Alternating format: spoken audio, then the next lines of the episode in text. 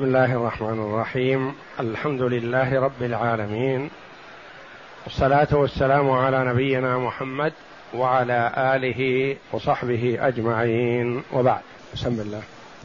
أعوذ بالله من الشيطان الرجيم. بسم الله الرحمن الرحيم. يريد الله ليبين لكم ويهديكم سنن الذين من قبلكم ويتوب عليكم. والله عليم حكيم. والله يريد أن يتوب علي والله يريد أن يتوب عليكم ويريد ال... والله يريد أن يتوب عليكم ويريد الذين يتبعون الشهوات أن تميلوا ميلا عظيما. يريد الله أن يخفف عنكم وخلق الإنسان ضعيفا. هذه الثلاث الآيات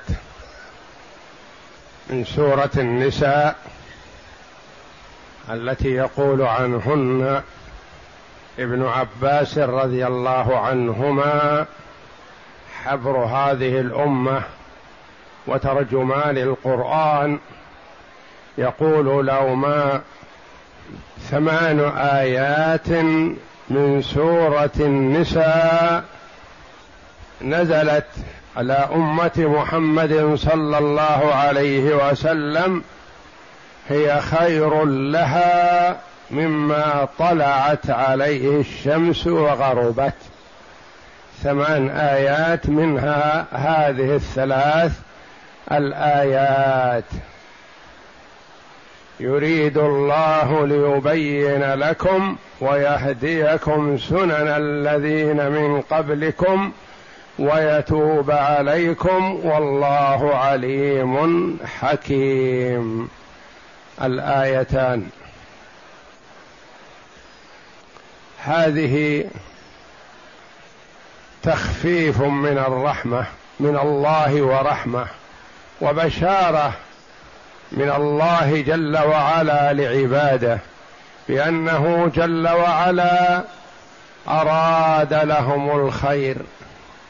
أراد لهم الرحمة حينما شرع ما شرع من الشرائع من أول السورة وما يأتي بعدها كله من باب التيسير والتسهيل لعباده جل وعلا. وقد قال قبلها ومن لم يستطع منكم طولا أن ينكح المحصنات المؤمنات فمما ملكت أيمانكم. وهذا من التخفيف والتيسير والتسهيل للعباد. فالله جل وعلا ما جعل على هذه الأمة في دينها من حرج. بل فيها اليسر والسهولة وهي الشريعة السمحة.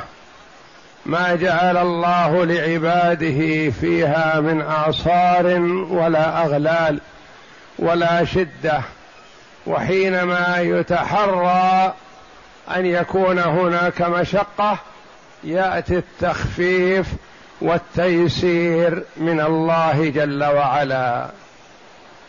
لما كان السفر مظنة التعب رخص الله جل وعلا لعباده الفطر في رمضان. وجعل لهم من شرعهم القصر والجمع. كل هذا تخفيف وتيسير. المريض إذا لم يستطع يصلي قائما فليصلي قاعدا. فإن لم يستطع فعلى جنب. إذا لم يجد المسلم الماء أو وجده ولا يستطيع استعماله فيتيمم صعيدا طيبا. وهكذا شريعة محمد صلى الله عليه وسلم كلها سمحة سهلة ميسرة بحمد الله لمن وفقه الله جل وعلا للأخذ بالصراط المستقيم. يريد الله ليبين لكم الإرادة هنا وكما عرفناها في درس التوحيد إرادتان. إرادة كونية قدرية. وإرادة دينية شرعية. وجاء في القرآن الإرادة الدينية الشرعية ومنها هذه الآيات الثلاث. وجاء في القرآن الإرادة الكونية القدرية. إن كان الله يريد أن يغويكم هو ربكم. والإرادة الكونية القدرية بمعنى المشيئة. أراد الله جل وعلا ذلك بمعنى شاءه والإرادة الكونية القدرية لا تتخلف أبدا. ما شاء الله كان وما لم يشأ لم يكن. والإرادة الكونية القدرية تتأتى فيما يحبه الله جل وعلا ويرضاه وفيما يبغضه ويكرهه جل وعلا. فهو جل وعلا أراد الإيمان من المؤمن وأحبه. وأراد الكفر من الكافر إرادة كونية قدرية وابغضه وكرهه الإرادة الدينية الشرعية فيما يحبه الله جل وعلا ويرضاه. والإرادة الكونية الإرادة الدينية الشرعية قد يوجد المراد وقد لا يوجد.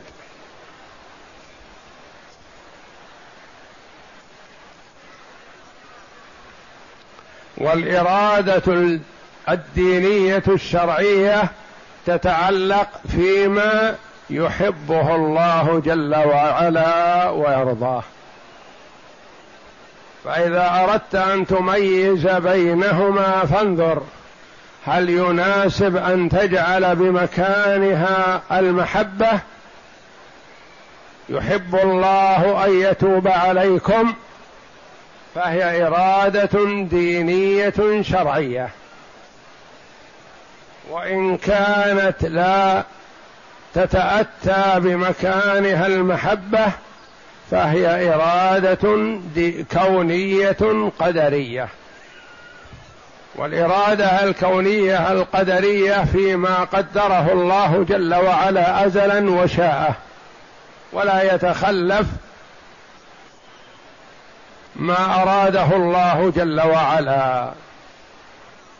والإرادة الدينية الشرعية تتعلق فيما يحبه الله ويرضاه وقد يوجد وقد لا يوجد.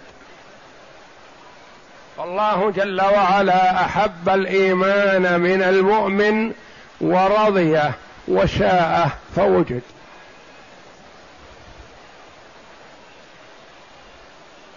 وأحب الإيمان من الكافر أو من الناس كلهم ولم يشاءه من بعضهم فكفر من كفر. فلا تلازم بين الإرادتين.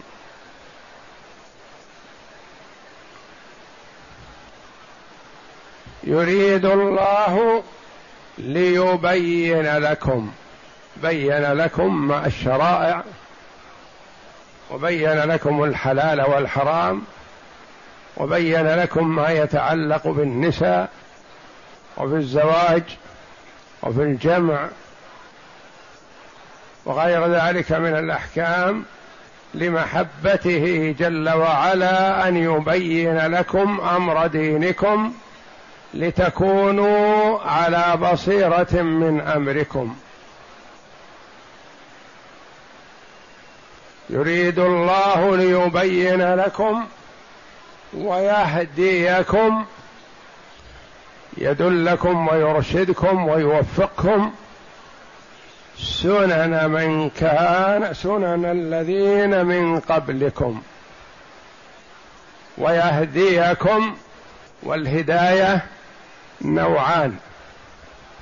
هداية الدلالة والإرشاد وهداية التوفيق والإلهام وكلاهما في القرآن الكريم. وقد يجتمعان وقد تكون إحداهما دون الأخرى.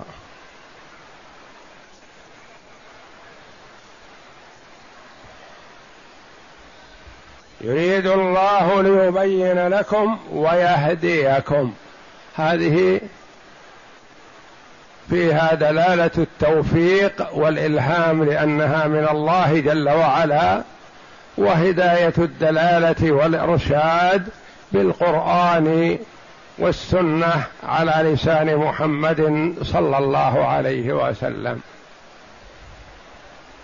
وهداية الدلالة والإرشاد وحده في قوله تعالى وإنك لتهدي إلى صراط مستقيم. يعني تدل وترشد وتبين. وهداية التوفيق والإلهام هي الواردة في قوله جل وعلا إنك لا تهدي من أحببت ولكن الله يهدي من يشاء. إنك يا محمد لا توفق للإيمان من أحببته وإنما أنت تدله وترشده والتوفيق إلى الإيمان هذا بيد الله تبارك وتعالى. وهداية التوفيق والإلهام لله جل وعلا وحده لا شريك له. لا يملكها لا ملك مقرب ولا نبي مرسل. وهداية الدلالة والإرشاد لله جل وعلا.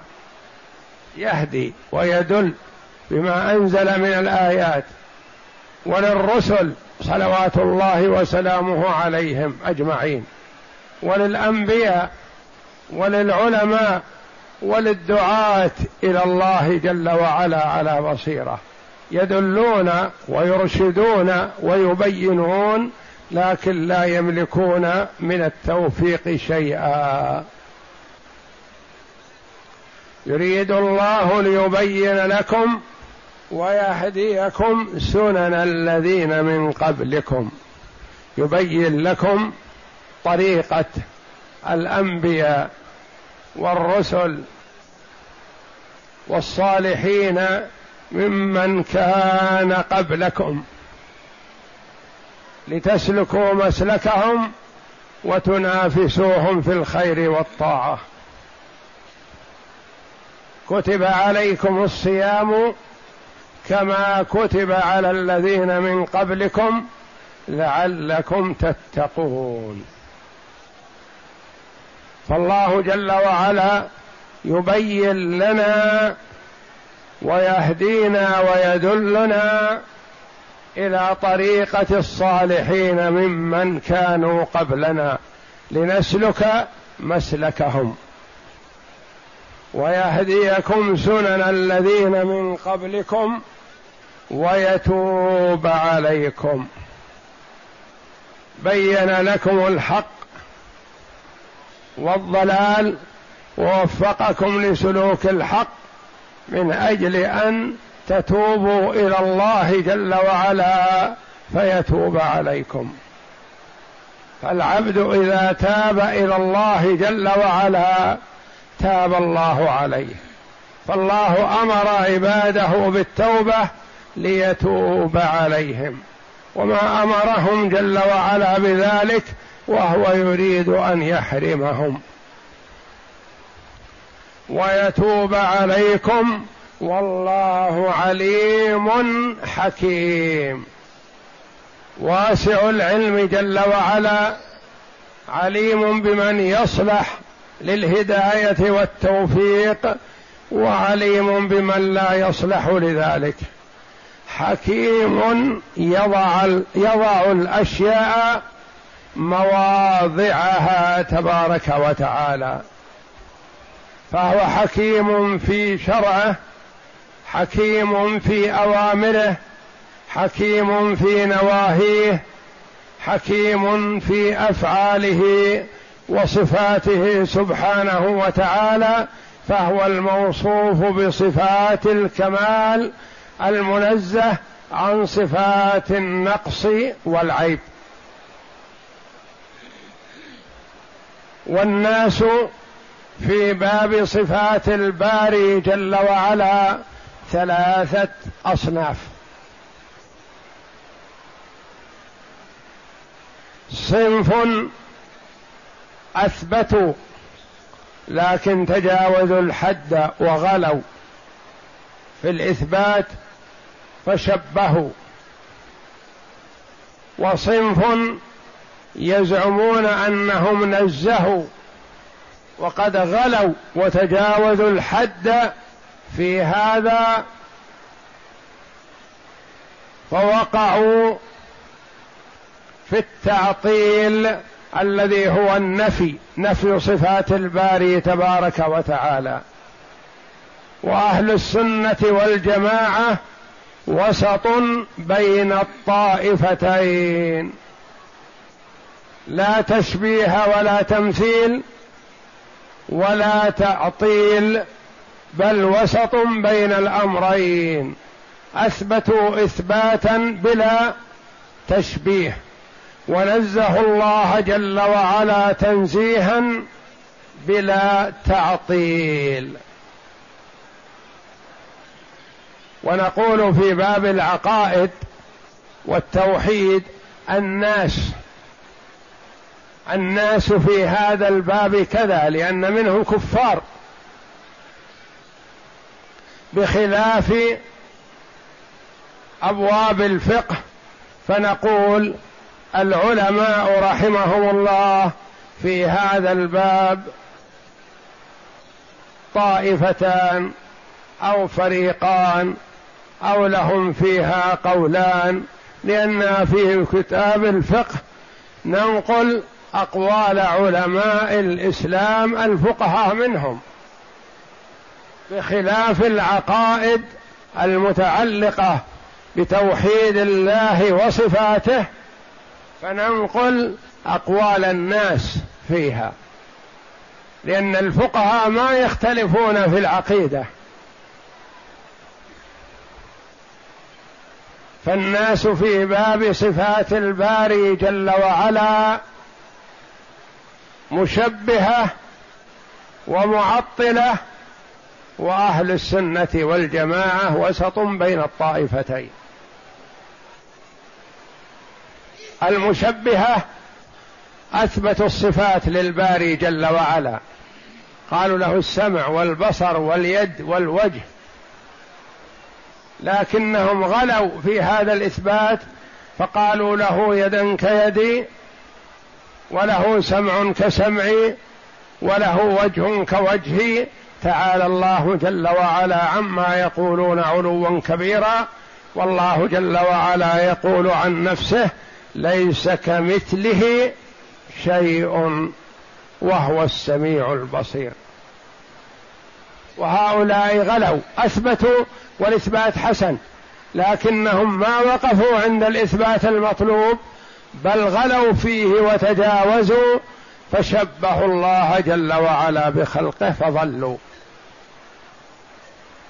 الطائفة الأخرى لما رأت فعل المشبهة فروا. وقالوا ننزه الله جل وعلا عن صفات المخلوقين. نعم نقول نعم ونحن معكم. فنفوا الصفة بالكلية. ونفوا السمع والبصر والعلم عن الله تبارك وتعالى فضلوا وهلكوا. فروا من التشبيه إلى ما هو أسوأ منه وهو التعطيل.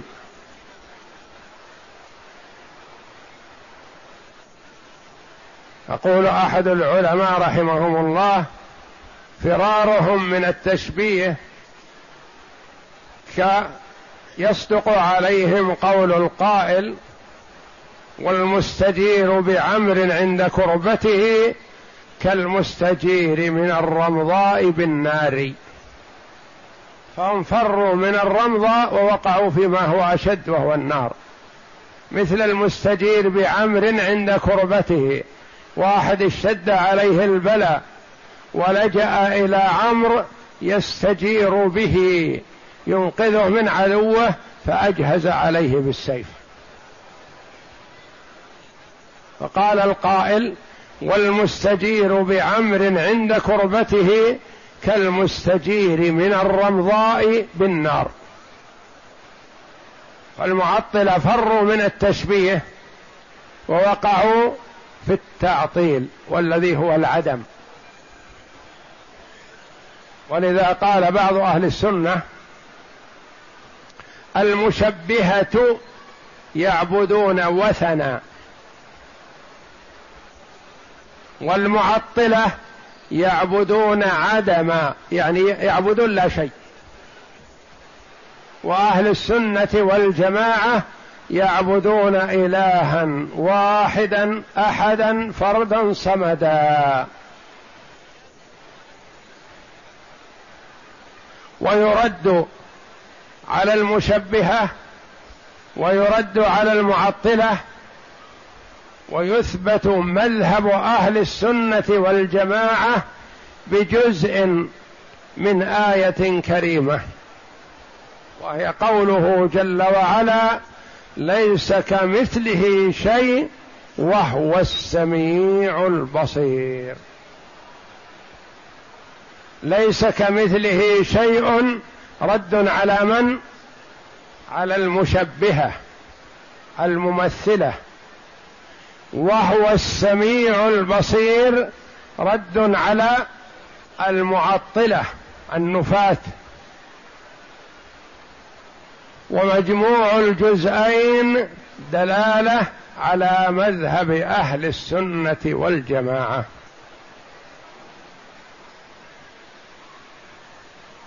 إثبات لا يتطرق إليه التمثيل وتنزيه لله تبارك وتعالى لا يتطرق إليه التعطيل. ليس كمثله شيء وهو السميع البصير. والله عليم حكيم. وكثيرا ما يقرن جل وعلا بين الاسمين العظيمين عليم حكيم عزيز حكيم. فلكل اسم معنى واجتماعهما له معنى آخر زائد على معنى كل واحد منهما. عليم إثبات العلم. حكيم إثبات أن الله جل وعلا يضع الأشياء مواضعها. عزيز إثبات العزة. حكيم أن الله يضع الأشياء مواضعها. واجتماع الاسمين معا فيه معنى وهو أنه علم مع حكمة. وعزة مع حكمة وليست عزة قوة وغلبة مجردة بل مع حكمة. وحكمة مع العزة لأن العزيز أحيانا يكون مع جهل يأمر وينهى ولا أحد يستطيع أن يخالف أمره ونهيه لكنه غير معقول. يمتثل أمره ونهيه ذلة وطاعة له وأمره ونهيه لا حكمة فيه ولا صواب. وقد يكون الرجل حكيما لكن لا يلتفت له ولا يؤتى ولا يسأل عن حكمته ولا يستفاد منه لأنه لا قيمة له في المجتمع. فقرن الله جل وعلا لذاته بين الاسمين العظيمين العلم مع الحكمة والعزة مع الحكمة. قد يقول قائل هل يصح أن يوصف الله جل وعلا بهذه الصفات وقد يتصف بها مخلوق؟ فهل يصح أن يوصف المخلوق بشيء من صفات الباري. نقول نعم يجوز لكن ليست الصفة كالصفة ولا الاسم كالاسم.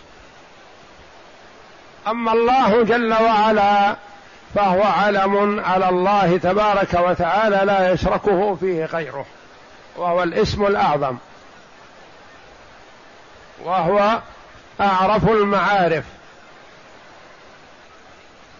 وأما غيره من أسمائه سبحانه وتعالى فيجوز أن يسمى بها مخلوق كما جاء في القرآن عن يوسف عليه السلام أنه قال اجعلني على خزائن الأرض إني حفيظ عليم